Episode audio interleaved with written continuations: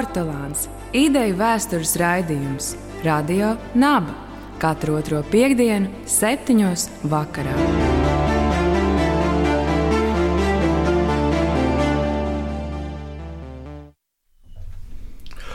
Labvakar! Ēterā raidījums Portugāns studijā ar jums Rudolfs Vitoliņš Mikls Solovais. un mūsu šī vakara viesņa, subkultūra pētniece Līva Zolneroviča. Labvakar. Tuvākā pusgada laikā savu dienas gaismu ieraudzījis Līvas izstrādātais pētījums par hipijiem Padomju Savienībā. Šajā sakarā esam aicinājuši tevi šeit studijā, lai izgaismotu kādus dažus aspektus. Hipijus devē par sociālā protesta kustību. Pret ko viņi pretojas un protestē? Nu, te varbūt jāņem kompleksi, kas, ne, es nezinu, vai pašus hipijus. Hipija drīzāk ir vai nu sub, subkultūra, vai nu kontrkultūra. Nu, tad sociālā protesta kustība, nu, tas ir arī kaut kas līdzīgs. Mm. Katra, katra subkultūra ir kaut kādā ziņā protesta kustība, protams. Un, un, un ja mēs skatāmies uz viņiem tādā rietumu kontekstā, drīzāk kā uz kontrkultūru vai kontrkultūras sastāvdaļu, vai nu, tā arī sociālā protesta kustība, tad uh, tajā brīdī viņi, ja viņi iesaistījās tajā 60. gadu kontrkultūrā, tad kontrkultūra jau protestēja pret visu, kas bija tajā brīdī stagnātisks. Un Amerikā, nu tā tad. Uh, Tur bija, uh, es nezinu, laikam jāsaka, angliski civil rights movement, free speech movement, tātad uh, protesti pret karu Vietnamā. Es negribētu teikt, ka tā visa ir hipija kontrkultūra. Drīzāk tā ir 60. gada kontrkultūra, kurai hipija bija caurvīja kustība. Es negribētu nekādā veidā teikt, ka vispār hipija bija 60. gadu kontrkultūra vieni paši, jo tas nav iespējams. Viņi ieplūda 60. gadu kontrkultūrā. Viņi bija kopā ar to. Nu, tādā veidā viņi absolūti bija šī sociālā protesta kustība, un viņi protestēja pret tā laika, manuprāt, tiešām sastingušajām normām. Nu, kaut vai tas, ka fr- free speech movement. Ja, Ja mēs run, ņemam vērā, ka tajā laikā pat nav lāga studentu padomas universitātēs, tu neko kā students nevar teikt, sanāk valsts apmaksā tavas studijas, uh, tu klusē vienkārši un nekādus protestus pret Vietnamas karu, ne pret ko vispār nedrīkst rīkot, ja tu esi students. Tas kaut kas neiedomājams mūsdienās. Nu, tā tad pret, pret visu šo stagnātisko iekārtu, manuprāt, Bet pats viss kopumā. nosaukums, pats nosaukums no kurienes? hipija. Jā. Nu, tur ir ļoti daudz versijas. Uh, pats nosaukums uh, ir tāds vārds hip vai hap. Un tiek uzskatīts, ka viņš ir tāds nu, žargona nosaukums, ko ir lietā, lietojuši melnādainie, ja tagad tā drīkst teikt. Melnādainie džēza mūziķi. Tas nozīmē, nu, tāds nu, tā kā krūts, stilīgs, tāds, kas saprot, un ar laiku tas iet tā kā mūzikā, tāds, kas saprot īsto noti. Melnādainie džeksisti, tāds nu, zinošais, Nu, No viedais. kustības, jā, jā. Jā, jā, kaut kas tāds. Un tad vēlāk, nu jā, un tad ir tur tie hipsteri parādās. Un sākumā tas hip vai hap ir tā kā melnajiem, un pēc tam jau ir tā kā par hipsteriem sāk saukt tos, kas ir tā kā, nu, tā kā baltādainie, kuri arī kaut ko saprot. Tā kā no tā, un tad jau nu, tie hipsteri, nu, tas viss tur tajā San Francisco krastā tur grozās, nu, un tad nākamais jau ir hipija. Kaut kādās 60, 1965. gada avīzē ir pirmo reizi tas vārds minēts, bet viņi sākumā paši sevi par frīkiem vispār vairāk dēvēja. Tas ir tāds, nu, tad, kad mēdīji to sāk lietot, tad viņi sāk to pieņemt, un pēc tam tas aiziet, tur tas frīka vārds pazūd. Noteikti vēl ir dažādas nozīmes. Es esmu pat dzirdējis līdz tādam, ka nu, tur gurnu šūpošana, nu, bet tās visādas diezgan lielas muļķības jau tur arī. jā, arī hip hop pēc tam. Tā, mm -hmm. tā, tas vārds tiek apspēlēts. Jā, jā, bet nu, tas tā īsumā. Mm, Bet tu pirms brīža minēji pretnostatījumu subkultūra un kontrkultūra. Vai tu vari šo atšifrēt? Nu, tādā diezgan brutālā veidā varu, jā, varbūt ne tik tā kā ar definīcijām, bet eh, pieņemsim, subkultūra tomēr skaitās tāda, viņa ir tā kā masu vai tās normālās, vai kā nu mēs to dēvējam, kultūras apakšnodare, apakš tāds grupējums. Kontrkultūra spēja radīt pilnīgi jaunas vērtības, un ne tikai radīt, bet kaut kādā ziņā arī realizēt. Un tad par to subkultūru vai kontrkultūru mēs tur varētu visādi diskutēt. Man, piemēram, šķiet, ka Padomju Savienībā tā tomēr bija subkultūra, jo viņa varbūt gribēja radīt, bet viņa nevarēja, nu, tīri ārēji apstākļu spiesta. Viņa, viņa spēja palikt kā ballīte 30 gadu garumā, bet kā ballīte tu nevari būt kontrkultūra. Tev kaut kas ir jārada. Amerikā viņa tomēr Viņa tomēr diezgan daudz, un tātad demonstrācijas, labi, tas viss arī paiet, bet viņa spēja radīt, piemēram, jaunu skolu sistēmu, jaunu kaut kādu saimniekošanas fermu sistēmu. Kontrkultūrai ir jāmēģina ne tikai izskatīties citādākās drēbēs vai okupēt citas ielas, vai, es nezinu, nu, tur tātad pulcēties lielos baros, bet viņai pēc būtības ir jābūt nu, daudz lielākam pamatam. Viņai vajadzētu kaut ko arī radīt paliekošāku. Un es pieļauju, ka tādās rietumu valstīs viņa daudz vairāk bija kontrkultūra un vēlāk arī varēja turpināt to savu kontrkultūras garu. Tas nav nekas pret padomju savienību, vienkārši šeit ir tas līmenis, kurā tu nevari. Bet kas ir tie trīs vaļi, uz ko turās nu, šī kustība? Trīs? Nu, divi, četri. Mm. Es domāju, Bet, vai tev, var, varbūt tev jau prātā ir kaut kādi trīs tie vārdi, un tāpēc tu man tā saki. Ne, kas tās vērtības, ko manifestē šī kustība? Tad pirmā vienmēr, kas man arī intervijās ir, tā ir brīvība. Nu, tā tad gan iekšējā, gan ārējā. Nu, es to varētu definēt tā, ka tu kļūstot par hipiju, vai bieži vien par jebkuras pat subkultūras pārstāvu, bet, nu, varbūt, ja mēs runājam par hipijiem, tad varbūt tas pat vēl izteiktāk. Tu atmet savus iekšē, iepriekšējos uzskatus, nu, ko tā māmiņa un tētiņš mācījuši tur.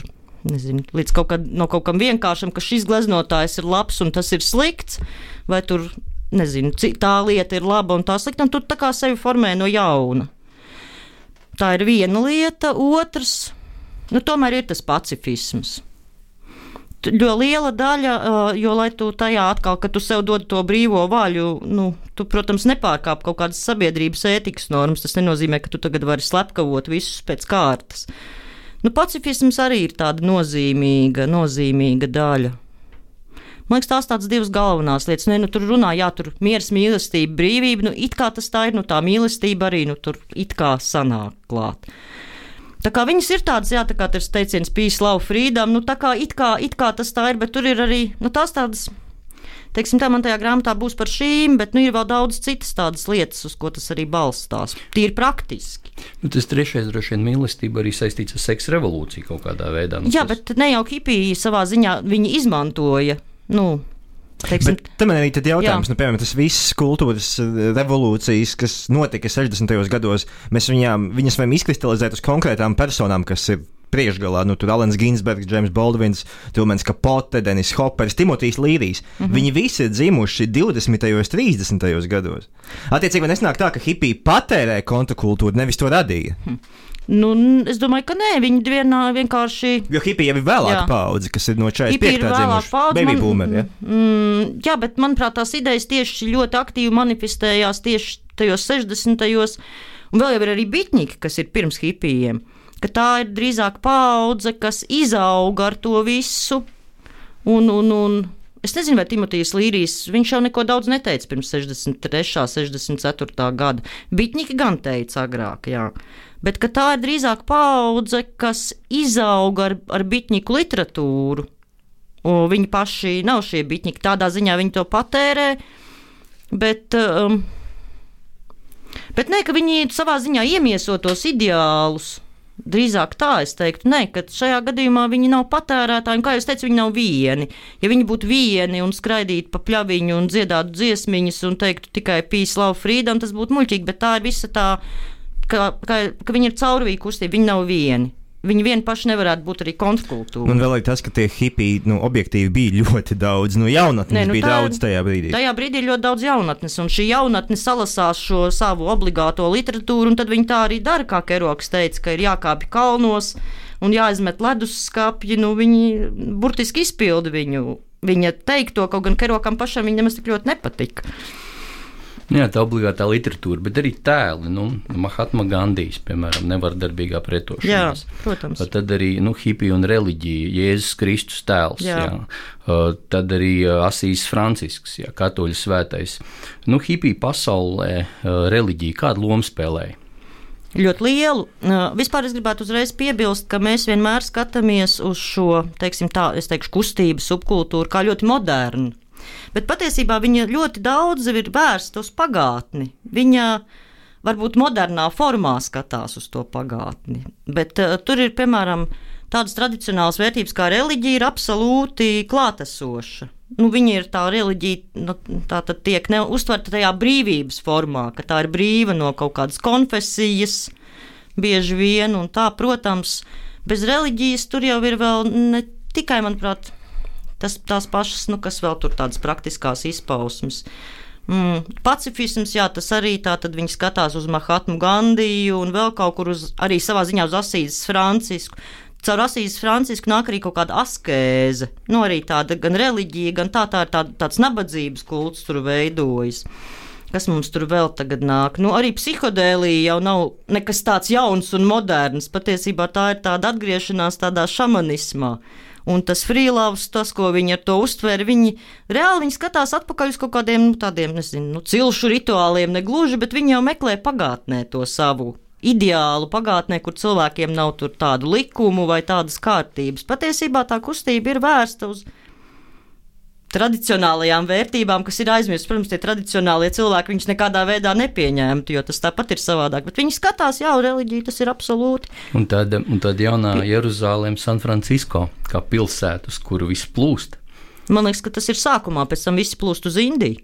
Nav uz Indiju uz Indiju. Jā, bet jūs minējāt par to, ka hipija kustība ir tāda caurvija ļoti daudz, kam, nu, piemēram, agrīnais Bobs Dilans, jā. Mm -hmm. arī Beatliem ir hipija periods, nu, balta albuma, tad arī Džimijs Hendriks un tā tālāk. Tad jautājums, jums būtu jāraksturo, kas ir spilgts tāds hipija kultūras mm, auglis, ko viņi radīja? Es domāju, ka viņi tam visam pievienoja tiešām šo psihodēliju ļoti, jo tā, tā, tā ir tās visas tās kontrkultūras kustības, viņas bez tiem hipiem izstītos tādas ļoti nopietnas. Tur būtu tāda ļoti nopietna folk mūzika, un ļoti nopietnas civil right movements, un ļoti nopietnas free speech movements, un tas viss būtu tā ļoti nopietni. Bet nu, tad ir tie kadri, kur tas free speech movements, tātad brīvās runas kustība, nu, brutāli tulkojot, stāv parciņā un aizstāv tur man liekas, San Francisco tas parks bija, varbūt es kļūdos, kur viņiem bija tas People Park. Un viņi tur stāv tādos klauniskos tērpos, un viss, ka viņi pievienoja tam visam kaut kādu tādu. Nu, joka, absurda, psihodēlijas, nē, drīzāk vieglumu. vieglumu. Drīzāk vieglumu. Un kā tad tas saistāms ar PSRS? Nu, tā tad. Uh, PSRS. Es patiesībā gribēju precizēt, ka es nerakstu izdarbu par visu PSRS, bet vairāk par Latviju. Uh, jo uh, viss PSRS aptvert tas ir nu, ļoti, ļoti sarežģīti. Bet, protams, ir saskari ar visu pārējo PSRS arī. Bet tātad Padomju Savienība jau nav gluži noslēgta telpa, un 67. gadā ir uh, mēdīji sāk rakstīt par hipijiem. Ļoti pastiprināti, kaut gan pati tā kustība jau sākas bišķi agrāk, 65. 67. 68. gads tas ir jau tāds komercijā, jau daļēji tāda komercija un popularitāte, un tad sāk rakstīt ne tikai padom, gan padomju prese, gan arī tā prese, kas nonāk pie mums ārzemju prese. Nu, un tie pirmie rakstiņi ļoti daudz dod. Dažos no viņiem ir aprakstīts, kā tur tie cilvēki kļošanēs ar zvaniņiem un gariem matiem iet cauri pilsētām. Un tad ir vēl 69. ja nemaldos, tāds Borovikova raksts ceļojums uz hipiju, hip, hipiju zemi. Nu, viņi ļoti labi pastāsta, kas tev ir jādara un kā tev ir jāģērbjas un kas tev vispār ir jādomā. Un tas nonāk šeit un, un sākas kā nu, kā nu mūsu vietējie, teiksim tā, interesanti topošie hipiji to ir iedomājušies. Bet kad tas notiek Latvijā? Kad sasniedz šī kustība? Nu, principā, man liekas, Tā, kad ārējās izpausmes jau pilnīgi noteikti ir nosakāmas, tas ir 1968. gads.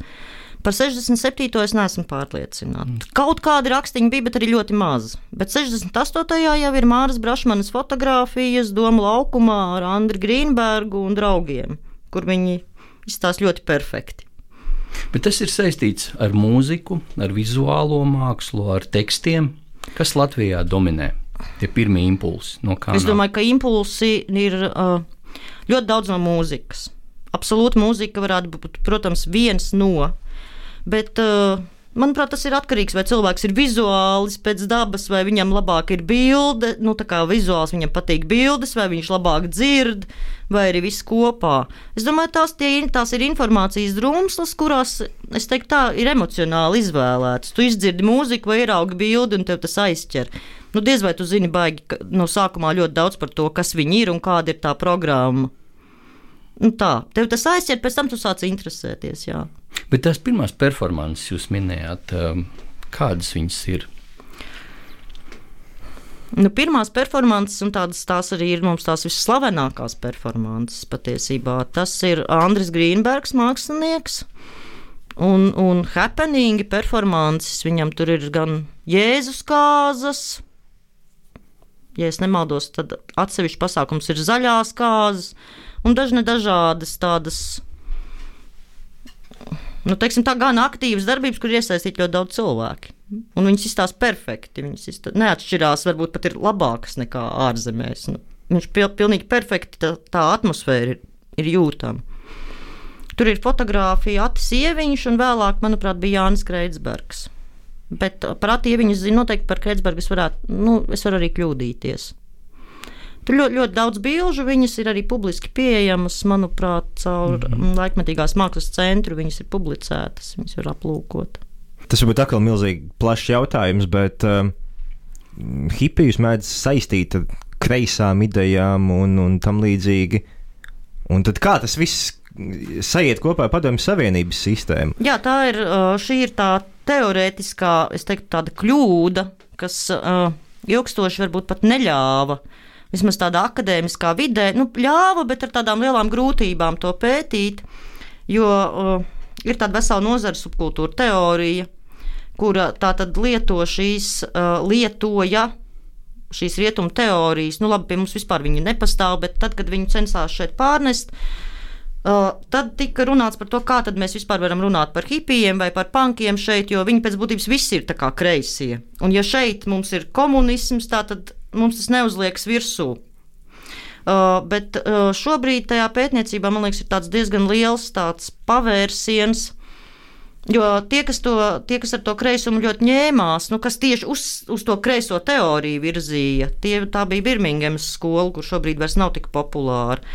Tas ir no tādas teorētiskās puses. Šobrīd tajā pētniecībā ir tas, ka nu, nav jāskatās jāliek tā platīta tik cieši virsū, un mēs drīzāk varam skatīties arī no tādas vēsturiskā viedokļa līdzīgos apstākļus. Un apstākļi ļoti līdzīgi ir. ir stagnācija, ir kaut kādi veči pie varas, kuri tevi nesaprot. Tur Amerikā tur ir Reigans, Kalifornijas štatā un Niksons laikam pie varas tieši.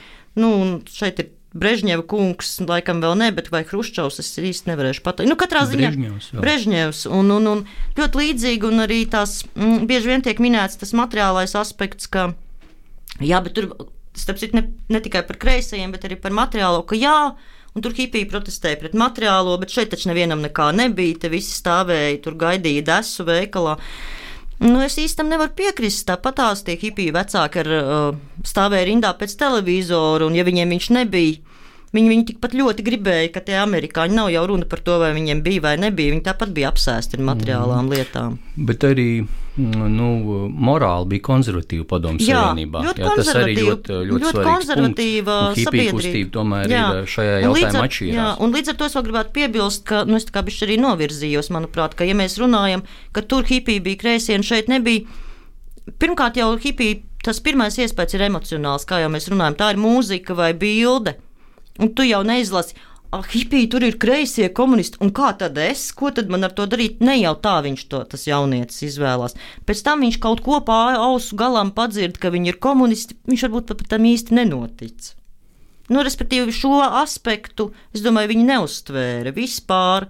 Un pēc būtības nu, viņš ir svarīgs, bet viņš nav tik svarīgs, lai varētu teikt, ka nē, mums šeit nebija hipiju kustības, jo šeit bija komunisms. Nu, tomēr kreisā ievirze nav vienīgais, kas hipijai piemīt. Tas varbūt piemīt jau kreisajiem pašiem, nu, te varbūt viņi tāpēc arī nebija, bet, nu, hipija ir, kā jau es teicu, tikai viena kontrkultūras sastāvdaļa, un kreisie ir tomēr mazliet vēl kaut kas cits. Mm. Viņi tur var būt, var nebūt. Bet par to vizuālo identitāti paraksturojiet, varbūt tās, kā izskatījās hipijas 70. gados Latvijā. Kā viņi viens otru atpazina, varbūt, ja viņi nebija pirms tam tikušies, varbūt tur bija kāds kods? Nu, mm 70. gadu, manuprāt, beigas un sākums bija atšķirās, bet nu, es tādu vidējo varētu paņemt, ka bieži vien tās ir kļošanas. Ja 70. gadu sākumā tās varbūt pat nav vēl džinsu kļošanas. Jo tās ir grūtāk dabūt. Tas ir kaut kas pašūts no kaut kādiem, ne nu gluži varbūt maisiem, bet nu brezenta. Tad 70. beigās tie jau ir parasti džinsi, uh, gari mati, gan puišiem, gan meitenēm. Nu, tā ir tāda, man liekas, viena no izteiktajām atšķirībām. Nu, tad bieži vien ir kaut kādas tādas drēbes, kas ir pat no kaut kādām vecmāmiņām vai vectētiņiem vēl savilktas. Tas varbūt arī kaut kas pilnīgi briesmīgs. Nu, tur ir tie sāktās, tajās sākotnējās intervijās, tur uzrādās kaut kas tāds, kā es uzvilku mugurā kartupeļu maisu un izgriezu viņam divus caurumus un, mm. un gāju ar viņu. Nu, tā ir kaut kāda tāda nepieņemams savā ziņā tas apģērbs. Ja tie, tās kļošanas, viņas jau bieži vien nav neko ļoti tīras, viņas ir ar no, nodilušiem galiem, un tur kaut kas velkas pa zemi. Un, un, un, Nu, tas tēls diezgan, man liekas, atpazīstams. Meitenēm kaut kādas krēlītes arī, un starp citu, meitenes, manuprāt, vismaz cik var arī vizuāli pateikt, šeit neģērbjas tik skaisti kā rietumos. Tās garās puķainās kleitas īsti nav tik daudz. Meitenes ģērbjas arī bieži vien džinsos un, un, un kaut kādi vāmži, kaut kādas jaciņas, kaut kas tāds. Ārzemēs ļoti daudz redzēt tādas skaistas, tādas dievišķīgas meitenes, tādās kleitās. Mums vairāk ir tā kā līdzīgi. Nu, ir, un vēl katram ir kaut kādas krellītes, vai vēl kaut kāds, kaut kāds izšūts pacifiks, nu tā tad miera zīme, vai piespraustas balodītes, tos laikam dalīja pa labi, pa kreisi, un tad kīpija arī viņus priecīgi sprauda. Miera balodītes. Kaut kādas tādas, man liekas, Daudz jau nevajadzēja. Nu, tā vizuālā zīme ir tāda, ka parāda pīsu tādam cilvēkam, un viņš saka, parāda pretī un savējais. Bet kas bija tā iekšējā emigrācija, piemēram, studijas filologos vai filozofos, vai, vai tā tomēr bija tāda uh, sētnieku un kurinātāju paudze? Ja, tā noteikti ir sētnieku un kurinātāju paudze. Kādas studijas filologos ar gariem matiem, nu vismaz sākumā. Mm. 60. gados gari mati un filozofijas studijas eh, nu, vispār nav savienojams jēdziens. Nu, tu tur varbūt puskursu pastudē, tad tevi izmet. Nu, vai kaut kur tur pastudē. Nu, meitenēm vieglāk, jā, viņām tos garos matus vismaz nu, viņām bija un bija. Bet pušiem ir tādā ziņā grūtāk, jo tas tāds princips jautājums, tos matus griezt. Bet arī liela daļa nebija gatava mācīties zinātnisko komunismu. Un tā bija daļa no. Jā, daļa no hipijiem. Man liekas, ne tikai daļa. Un tāpēc vien tu netiec tajā augstākajā izglītībā. Man liekas, tā ir. Mm, Sētnieki un kurinātāji ir tāds teiciens, ko man vairāk no teiksim, vecajiem hipijiem teikuši. Trīs darba vietas - sardzīta, gāzīta, bāzīta. Mm. Nu, tā tad sarks, bāzīta, tā bija Latvijā grāmatu bāze. Vai vairākas, nu, bā, bāzē, tu strādā grāmatu bāzē, tur kaut kādas grāmatiņas nesā. Nu, un gāzīt, tas ir gāzes kontrolieris. Ļoti daudzi gā, strādāja gāzē par nu, jā, jā. gāzes kontrolieri. Bet um, tas muzikālais kanons, nu, kas bija neapstrīdams ieraksti, kuri rotēja, ko klausījās tajā laikā? Nu, man liekas, sākums, protams, ir beigli. Viens otrs saka, ka jā, nu, tas ir tas lielais trieciens, tie ir beigli. Tad ir Rolling Stones, manuprāt, arī ļoti daudz. Man tā, oh, Led Zeppelin, protams, jā, absolūti.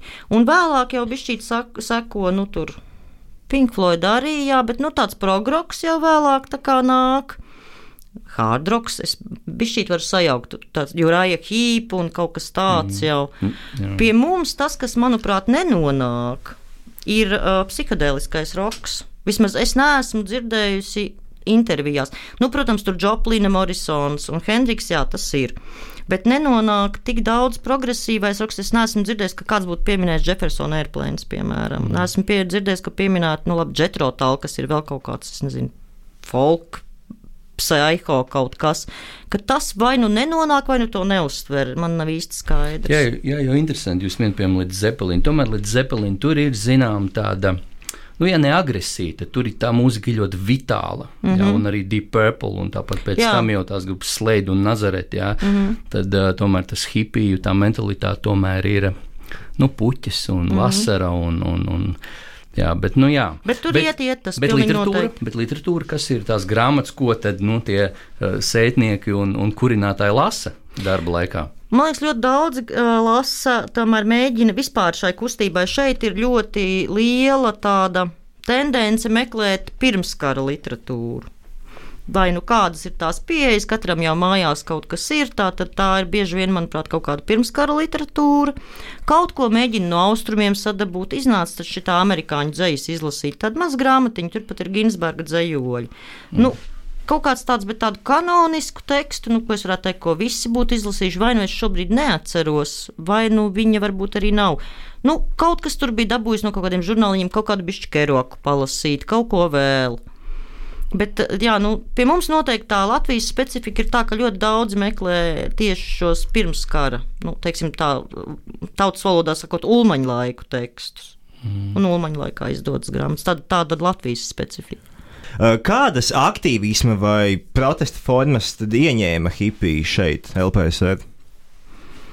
Nu, manuprāt, šeit drīzāk varētu tomēr runāt par pasīvo pretošanos. Es... Tad tā drīzāk bija poza, nevis kāda pret Vietnamu mītiņa. Mm, nē, nu, diezgan skaidrs, ka nekas tāds ātri, ka tas nevar, nevarēja notikt. Nu, Maskavā bija viens gadījums, tu, tur par datumu vēl strīdās, vai tas bija 1970. vai 71. gads, kad notika demonstrācija pie Amerikas vēstniecības pret karu Vietnamā. It kā pat čekas inspirēta. Pēc tam viņš tur visus savāca. Kopā. Viņi tur aizgāja demonstrācijā, un tad viņus visus savāca tos hipijus un caps, un tagad mums ir liela bieza mapa hipija. Nu, tā vismaz tas tiek izstāstīts. Un šeit, es domāju, nekas tāds pat nav dzirdēts. Nu, tas, uh, Lietuvā sadedzinājās tas puisis, Romas Kalantas. Tas ir kaut kāds 71. gads, varbūt tā ir tāda lielāka akcija. Pie mums mēģināja arī viens puisis dedzināties, ja sadedzināties. Es baidos kļūdīties. Ilja Rips. Ilja Rips, jā, Jā, Ilja šobrīd Rips. ir Jeruzalemē. Jā, jā. bet uh, viņš nebija Ar hipijiem. ar hipijiem Jā, saistīts. tā Tas ir kaut cita kas veida, cits. Tā kā es drīzāk teiktu, ka tā ir tāda nu, pasīva pretošanās, nepiedalīšanās, izvēlēšanās dzīvot tātad šo te Un Faktiski marginalizēties uz šiem Jā. tematiem. kaut kā tā. Kādi bija šeit uz vietas eh, hipiju neoficiālie līderi, elki, zvaigznes? Tādi bija vispār? Nu, vispār uh, par uh, šādu atbildi var uh, arī tā kā. Teiksim, tā norauties, jo tāda klasiskā hipija ir atbilde, mums nebija līderi. Nu, tā atbilde ir diezgan nepareiza nu, no tāda pētnieka puses, jo tu vari, protams, atbildēt, ka jums nav līderu, bet vienmēr kāds ir kustīgāks un kāds vairāk organizē. Un tas ir diezgan dabiski, nu, viņš nav ievēlēts līderis, un, protams, mēs neiztēlojamies pulciņu, kurā viņu ievēl un, un tā. Bet nu, pirmais, kas laikam nāk prātā un kas tiek tā kā tāda mitā, ir tā, šī mitoloģiskā persona Andris Grīnbergs. Pēc tam, nu, manā uztverē tas noteikti ir Mihails Bombins, kurš uh, vairāk, teiksim tā, Latvijā ieviesa tādu ļoti izteiktu komunikāciju ar šo lielo padomju, visu šo padomju hipiju kopienu, kuru dēvēja par sistēmu. Viņš bija tas, kura dēļ šeit notika Gaujas lielās hipiju nometnes, jo viņš atrada vietu un viņš bija arī ļoti cienījams. Tad, nu,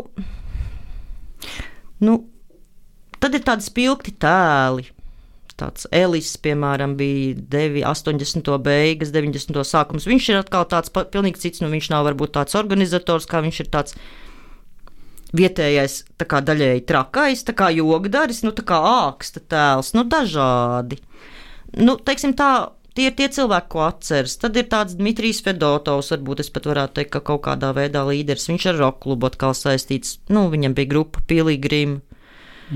Bet nu, tā pa lielam, nu, manās acīs tas ir Andris Grīnbergs un Mihāls Bombins. Bet, ja man būtu jāskatās sīkāk, nu, tad tikpat labi mēs varam runāt Ievu Brašmani. Nu, arī no 60. gada beigām, kur arī aizrāva kaut kādus cilvēkus. Nu, par viņu citi teica, ka viņi ir tas īstais hipijs, klingers, kas visus modina. Nu, tur kaut kādi 6, 7 cilvēki, 8 noteikti ir tādi, kas kaut ko ir darījuši diezgan daudz. Bet, tik, Tikko minēji sistēmu vārdiņu, vai hipijiem bija kāda, nu, nu teikt, bija kāda sava sabiedrības struktūra un kārtība šeit? Uh, jā, bija gan, un, un, un, bet te man mazliet tā kā tajā, nu, tas arī grāmatā parādīsies, kas tomēr, nu, tā tā pētījuma rezultātā, es nezinu, vai diemžēl vai par laimi, nu, tā kā pie tā ir tas tāds mans uzskats, ka tomēr iz, ir tādas divas daļas, ka viena ir tā teiksim, tā, nu, tā rupi sakot, tādas kazas paudzes turpinājums. Tie ir tādi hipiju mākslinieki, hipiju mūziķi. Teiksim, cilvēki ar divām identitātēm, kur ir, viņš ir gan hipijs, gan kaut kāds mākslinieks, mūziķis izteikti. Gan arī ir tā otra daļa, kas tātad pulcējas ap Mihālu Bombinu, kas uh, komunicē vairāk ar visu pārējo padomu savienību. Tas nenozīmē, ka pirmā daļa nekomunicē, bet otra arī komunicē. Bet viņi vairāk veido tādu tiešām kontaktu tīklu. Uh, un to kontaktu tīklu 70. gadu beigās vai 80. gadu sākumā sāk dēvēt par sistēmu. Par hipiju sistēmu, kāpēc grūti pateikt, nu, vai tā ir ironija, ka mums ir sava sistēma, mums ir sava tā kā antisistēma.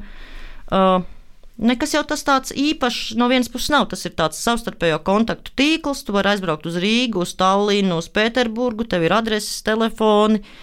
Kāds ir jau varbūt piezvanījis un ieteicis, tu pie tā vari palikt. Uh, nu, apceļot faktiski visu savienību ar šiem kontaktiem. Un tur, protams, jāveidojas ar laiku savas tradīcijas. Tur 1. maijā tikties Tallinā, braukt uz Gaujas lielās nometnēm, 1. aprīlī tikties Maskavā pie Gogoļa, pie Gogoļa pieminekļa un vēl arī kaut kādi 80. gadu beigās jau tā sistēma ir tik spēcīga, ka tur jau ir kaut kāda iekšējā ģedaušķina. Nu, varbūt mazliet pārspīlēta, ne tāda, bet nu, tur jau ir tie, kā saka, vecie vai aldā, tad ir people, kas ir nu, parastais hipijs, un tad ir pionieri, kas ir jaunie. Tur izveidojas to 20 gadu laikā diezgan tāda izteikta tā struktūra. Mums tieši uz, tas gan arī uz vietas, jo viņi šeit arī brauc, un 70. gados tur tā pārklāšanās diezgan aktīva. 80. gados bija šī savādāk jau. Nu, kā, bet šeit iekšēji tā, tā, nu, tieši tajā tajā kazas turpinātāja paudzē, tajā, tajā paudzē es tā nesmu ļoti tā novērojis, ka būtu kaut kāda tāda izteikta struktūra. Nu, tur ir tas atgrūšanās punkts, es par vai pret kazu, vai tur kā es sevi identificēju drīzāk attiecībā pret. Bet kas bija tie atskaites punkti, nu par vai pret kazu? Nu, atskaites punkti, piemēram, lat, latviski, tā vairāk tā pirmā daļa, par ko es runāju, hipija mākslinieki, tā vairāk ir latviska, kaut gan viņā arī ir, protams, krievalodīgie un sveštautieši. Uh, viņā bieži vien atskaites punkts ir, mm, jā, kaza. Biju vai nebiju kazā, vai man patīk vai nepatīk kaza. Vai es neesmu īsti skīpījis, jo es nebiju kazā, vai nu, kaut kas tāds. Tas ir tāds, bet arī, protams, ne visiem. Tādā īsā intervijā ļoti grūti pateikt kaut ko, lai kāds neapvainojas, jo viņš nu, saka, nē, bet es tā, tāds nebiju. Tur ir kaut kas tāds, un es gribētu teikt, tā, ka mm, vēl, vēl viņiem tas atskaites punkts uh, ir tāds, nu, kā man citi redz, ko citi par mani saka. Te man gribētos uzsvērt, ka mm, tai latviskajai grupai, tai mākslinieckai grupai mazliet trūks tās spējas sevi identificēt. Jo viņi neizveido to kopumu. Teiksim, tā, tur ir viena kompānija ar vieniem hipijiem, māksliniekiem, mūziķiem, otra, trešā, ceturtā, piektā. Viņas mazliet pārklājas, bet viņas neizveido to kopējo tīklu, nu, tādu mazo Latvijas sistēmu.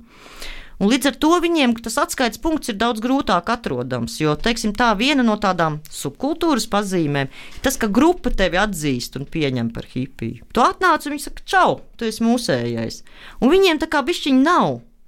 Nu, viņi ir vieni 20 cilvēki, kur viņi tevi uzskata par hipiju. Tad ir otrs pulciņš, 20. Viņiem tā kā es tajās intervijās pat redzu, ka viņi tā kā caur mani bišķiņu identificēs. Ar tu mūs intervē, tad jau jā, jā, mēs domājam visu laiku, ka mēs bijām, bet tā kā neviens mums to nepateica līdz galam. Mm -hmm. Ka jā, tā ir lielajai sistēmai šādas problēmas nav. Un līdz pat tam, ka man ir kaut kādi cilvēki, kas nākuši teikuši, es biju tāds viens Rīgā, un tad es staigāju un atnācu uz domu laukumu, un man kāds teica, ej, tu! Vai tu esi no sistēmas. Un tad, es, nu, jā, tad nu, sākās man hipija dzīve. Nu, tā grupas atzīšana ir svarīga. Un tad vai nu viņi ir vai nav, un tur ir arī tas viens punkts. Bet jūs minējāt to nepiedalīšanos. Nu, skaidrs, tā tad neveidot karjeru, jā, mhm. nepiedalīties nu, tajā veiksmes stāstā arī padomju, piemēram, mm -hmm. un tad ir. Tad, kā piemēram, nu, tāda askējas forma, kas arī Maskavā, nu, uh, Maskavā gailīši, Jerofēja, jā, šī vienkārši nu, alkoholisms, jā, un, un uh, kas ir tā, kas vēl ir tās formas, piemēram, apziņas paplašināšana ar narkotikām? Kaut vai tādas prakses, jā, kas hipijiem ir. Jā, ļoti izteikts uh, alkohols un arī narkotikas vēlāk. Jā, protams, viņas absolūti pastāv un, un, un, un uh, tādā ziņā, ja es reizēm kaut ko, piemēram, es saku, varbūt man tā šķiet, jo es nevaru nointervēt tos cilvēkus, kas ir nu, miruši, un iespējams viņi teiktu kaut ko savādāk. Un tieši tādēļ man bieži vien liekas, ka es saku, piemēram, mākslinieku, hipiju tā, tad, tā kompānija. Iespējams, ka visi tur nebija mākslinieki. Iespējams, tur bija ļoti daudz parastu cilvēku, un iespējams, šie parastie cilvēki ir vienkārši sen miruši. Un līdz ar to uh, ir izdzīvojuši tie, kas darīja vēl kaut ko. Un tāpēc tā bilde rādās tāda, ka iespējams tur bija ļoti daudz vienkārši parastu cilvēku tajā pašā lokā, nu, kurus vairs tik daudz nepieminu, jo viņi nu, viņi varbūt nebija tik spilgti, bet viņi tur bija un viņi vienkārši nonarkojās vai, vai nodzērās. Bet vai bija kāds arī ilūzijas sabrukuma laiks, jo skaidrs pacifisms, altruisms, mīlestība, nu arī brīvas seksuālas attiecības, um, nu tie ir tādi pievilcīgi ideāli, bet tad ir arī varbūt realitāte. Es domāju, ka katrai paudzei savā laikā bija tas ilūzijas sabrukums. Tas ir diezgan, diezgan tā normāli, uh, ka tas tā notiek vai nu tās ilūzijas sabrūk, vai nu tu šīs savus, teiksim, tā ideālus piemēro reālajai dzīvei, nu kā nu kuram tas izdodas. Vienam sabrūk, vienam viens tur piemērojas vairāk, otrs mazāk. Man liekas, tās paudzes, nu, tādas subkultūras paudzes vispār mainās ik pa kādiem septiņiem gadiem. Ka var redzēt, nu, ne tikai no tā, ko es esmu intervējis, es arī no savas dzīves redzu, ka ik pa septiņiem gadiem apmēram nāk jauni cilvēki. Un tie iepriekšējie, jā, viņiem, protams, tās il ilūzijas vai ideāli mainās. Un, un, un nu, kā tas izpaužās tādā, tajās sarunās tas izpaužās tā, ka mm, es biju hipijs, bet viņi vairs nē tā, tie nākamie tie jau vairs tā necieš, kā es mūs vairāk vajāju, viņi vairs nav tik īsti, viņi vairs nav tik autentiski. Bet tā ir tāda normāla mutis, mutvārdu vēstures, man liekas, tāda specifiska, nu, ko tu ņem vērā. Un kā tas praktiski izpaužās? Nu, praktiski droši vien tas izpaužās tā, ka daļa nodzerās, bet daļa atrod kaut kur sev to vietu. Bet, uh, kā, vai ir kāds komentārs par emigrācijas latviešu, teiksim, ASV attieksmi pret hipijiem? Tajā skaitā amerikāņu hipijiem vai, vai šo kustību Latvijā? Man ir, jā, bet es baidos, ka viņš varētu būt tāds. Es baidos, nu, es, protams, viņu teikšu, bet es, baid, nā, es esmu skatījusies tikai tīri trimdas periodiku, ja godīgi. Nu, tur es esmu paskatījusies, kāda ir tā attieksme, un mazliet es ar Juri Kažu parunāju. Nu, manuprāt, tā attieksme ir gan negatīva, jo trimdas latvieši pirmkārt sargāja savu latvietību. Tas ir viens nu, man liekas, hipisms ir absolūts drauds. Nu, tu tā tad, tad absolūti pievienojies šai rietumu kultūrai, tas ir viens. Un otrkārt, viņi absolūti šo hipiju kustību un šo kontrkultūru uztvēra kā komunistisku kustību. Un komunisms, nu, protams, viņu acīs tas bija lielāka ļaunuma nevar būt. Nu, un tad tajos trimdas laikrakstos var jau redzēt, ka tas diezgan negatīvi palas, kaut vai ir tāds Anšla Veglīša lūga bezrūpīgie veči. Yeah. Tur ir, man liekas, absolūti tas, viņš to izsmēja, to hipiju, kā vien spēja. Būšana par hipiju šeit, eh, padomju sistēmā, bija, nu, bija vienvirziena biļete. Tas bija kaut kādas konkrētas profesijas, eh, kā ārprāta simul simulēšana. Neiet klāt? Tā bieži vien ir vienvirziena biļete. Tas tomēr nav tā kā ārzemēs. Man jā, apnika, es tieši, jā, jā. jā. Es nogriežu matus un eju tagad strādāt un viss. Uh, līdz kaut, kaut kā, līdz, nu, nu, kaut kāda noteikta brīža tā ir vienvirziena biļete, jo bieži vien puiši, lai neiet armijā, arī tā tad uh, nonāca tā vietā trakomā, jā. un tā tad simulēja, ka viņi ir traki. Nu, un pēc tam tev ir diagnoze jau tur. Viegli schizofrēniski traucējumi, tur viegla tur nezinu, viegla neiroze.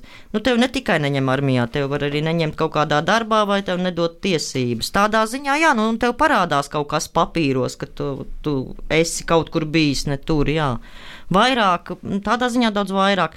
Bet lielākā daļa to cilvēku jau to tajā brīdī arī saprata, vai arī nesaprata, nu, grūti pateikt, bet uh, nav min, es tā neesmu dzirdējis, ka kāds ļoti to pārdzīvot un teikt, es nezināju, un tā, un tad es vairs nevarēju. Tādus vārdus gan es neesmu dzirdējis. Nu, varbūt tie cilvēki ir vecāki, protams, atkal tās mutvārdu vēsture. Viņi to pieņem, ka tas tā ir un tas tā ir bijis, un viņi tā ir dzīvojuši. Tā pašā laikā neviens uh, nav gatavs piekrist tam, ka viņš būtu aktīvs protestētājs pret padomu, jo drīzāk tiešām kā pasīvs. Absolūti vienojošais tajā gan sistēmas hipijiem, gan Latvijas tieši tiem hipijiem ir tas, ka viņiem nepatīk tā padomju vara. Es neticu, ka būtu kaut viens hipijs, kurš teikt, ka viņam patīk padomju vara, bet savukārt neviens arī nav teicis, nē, mēs ļoti mēs cīnījāmies, cīnījāmies disidenti. Bet hipija uh, diezgan sevi norobežoja no disidentiem, izņemot kaut kādos tur 80. gados, kad viens otrs sāk nodarboties ar, nu, jau 70. ar samizdatu. Bet tomēr tā, tā robeža ir diezgan, jo viņi šeit ir apolitiski kaut kādā ziņā. Viņi zina, pret ko viņi ir, bet viņi neiesaistās. Disidentisms un hipija saskarās mazliet, bet ne ļoti daudz. Vai šobrīd varētu runāt par zināmu hipiju ideālu atzīšanas laiku? Jo, nu, ja ņemam vērā, ka šobrīd ir vēršanās pret karu, jā, un mēs dzīvojam šobrīd tādā laikā, arī autoritatīvu varu gan rietumu pasaulē, gan vispār pasaulē. Man grūti tā pateikt. Man liekas, ka viņa jau tā kustība īsti nekur nav pazudusi. Viņa kaut kādā veidā mutē un izskatās varbūt savādāk nekā, mm, nekā 60. beigās. Bet, bet jā, es tieši tad tad varbūt tādā veidā neatbildēšu uz to jautājumu, kā jūs vēlaties, bet drīzāk ar to, ka tas, tas jau viss nebeidzās ar kaut kādu 69. vai 70. gadu, kad mēs tur pretstats tur Woodstock lielisks festivāls, Altamonta ļoti slikts festivāls, hipiju ideāli beigušies, tur ir vairāki līķi vai tur Mensons parādās. Tās idejas jau iet tālāk, un es domāju, ka ļoti liela daļa tās pasaules, kādā mēs tagad dzīvojam, nu izņemot karu Ukrainā, bet runājot par visādu ekoloģiju, tur veģetārisms, vegānisms, atkritumu šķirošana. E, dabas resursu taupīšana, tā jau ir visa, tās visas ir tās hipiju idejas. Tad, kad tie, kuri aizgāja prom no aktīvās kustības, uh, sāka darboties ārzemēs, jomās, kas viņus interesēja. Neviens jau te nesaka, ka tev visu mūžu ir jāsēž un jāpīpē zāli. Viņi tagad ir tie 60 gadnieki, 70 gadnieki, kuri šīs idejas ir virzījuši. Tā kā reāli mēs dzīvojam tajā pasaulē.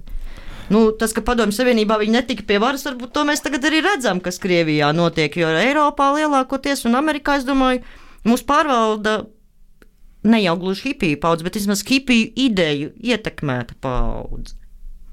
Silīcija ielēja un kibertelpa ir tāds interesants piemērs šajā kontekstā. Bet labi, rietumos tātad tās hipiju ēras rūktās paģiras ieskandina Altamonta, Mensons. Uh, kas notiek Latvijā sabrūkot padomju savienībai? Nu, sabrūkot padomju savienībai, beidzās tas, ko varētu dēvēt par iedomātajiem rietumiem. Jo, protams, Kipija iedomājas, ka tad, kad beigsies Padomju Savienība, tad sāksies lielā ballīte. Bet tā iedomājas ne tikai hipija, tā man liekas, iedomājas arī inteliģence, ka tagad iznāks tik lielisks žurnāli kā avots, vai tur nu, nu, notiks viss iespējamais. Ne tikai liekas, mēs visi tā kaut kad iedomājamies, ka sāksies mākslas un kultūras uzplaukums, un, nu, un tā rūktā realitāte ir tāda, ka tev pēkšņi dzīvoklis paliek divreiz dārgāks, un tev vairs ar sētnieku algu nepietiek. Nu, no, Un ka iedomātie rietumi arī ir savādāki. Nu, tas jau varbūt arī nav tāds ilūzijas sabrukums. Tas vienkārši izrādās, ka pasaule arī ārpusē nebūtu tik draudzīga pret uh, kaut kādiem subkultūru cilvēkiem. Un, principā, labi, teiksim tā, no kaut kāda 92. gada līdz kaut kādam 2000. pilnīgi noteikti var redzēt, ka, mēģi, ka cilvēki mēģina piemēroties. Un kā kuram sanāk, citiem sanāk ļoti labi. Viņi var beidzot realizēt tās savas vēlmes un prakses un idejas. Nu, citiem netika labi. Nu, 90. vispār ir mežonīgs laiks. Tur kaut ko realizēt, tu nekad nezini, kāds būs, re, kāds būs rezultāts. Un tas tāds, nezinu, mežonīgais kapitālisms, kas tas mums bija. Tur jau ne tikai hipijas, hipijas apmulst, tur apmulst jebkurš. Jā, mēs vēl domājam, kas tas bija. Jā. Pirmais, pirmais muzikālais fragments bija grupa Lava. Un noslēgumā, kur no latviešu mūzikas skaņdarbiem jūs nosauktu, kas tomēr to hipiju garu iemieso? Nu, tas tāds ļoti grūts jautājums uzreiz iedomāt. Droši vien kaut ko no imanta kalniņa varētu. Kur dziesmu? Nu, lieciet, dzeguzes balss varbūt. Par dzeguzes balss ir leģenda. Tā ir bauma. Kad dzeguzes balss iespējams, iespējams, tā ir bauma tiešām, esot zāle. Jo viņi liek starp lapām, lai kalst, un tur salās, tur kaut kur, bet tās tiešām tikai baumas. Bet jā. nu tad dzeguzes balss. Jā, tā lai skan Imants Kalniņš dzeguzes balss. Paldies, kā Paldies. Pēc pēdējais jautājums, grāmata, kad aptuveni būtu gaidāma? Nu, šī gada laikā, vai no oktobris vai decembris, kaut kāds tāds starposms starp oktobru. Izdevniecība Balderāja, vai ne? Jā, nu, protams, Digis Kalniņš ir vislabākais izdevējs. Paldies! Paldies Lai skan mūzika, un raidījums Portugāns atgriežas pēc divām nedēļām. Visu labu!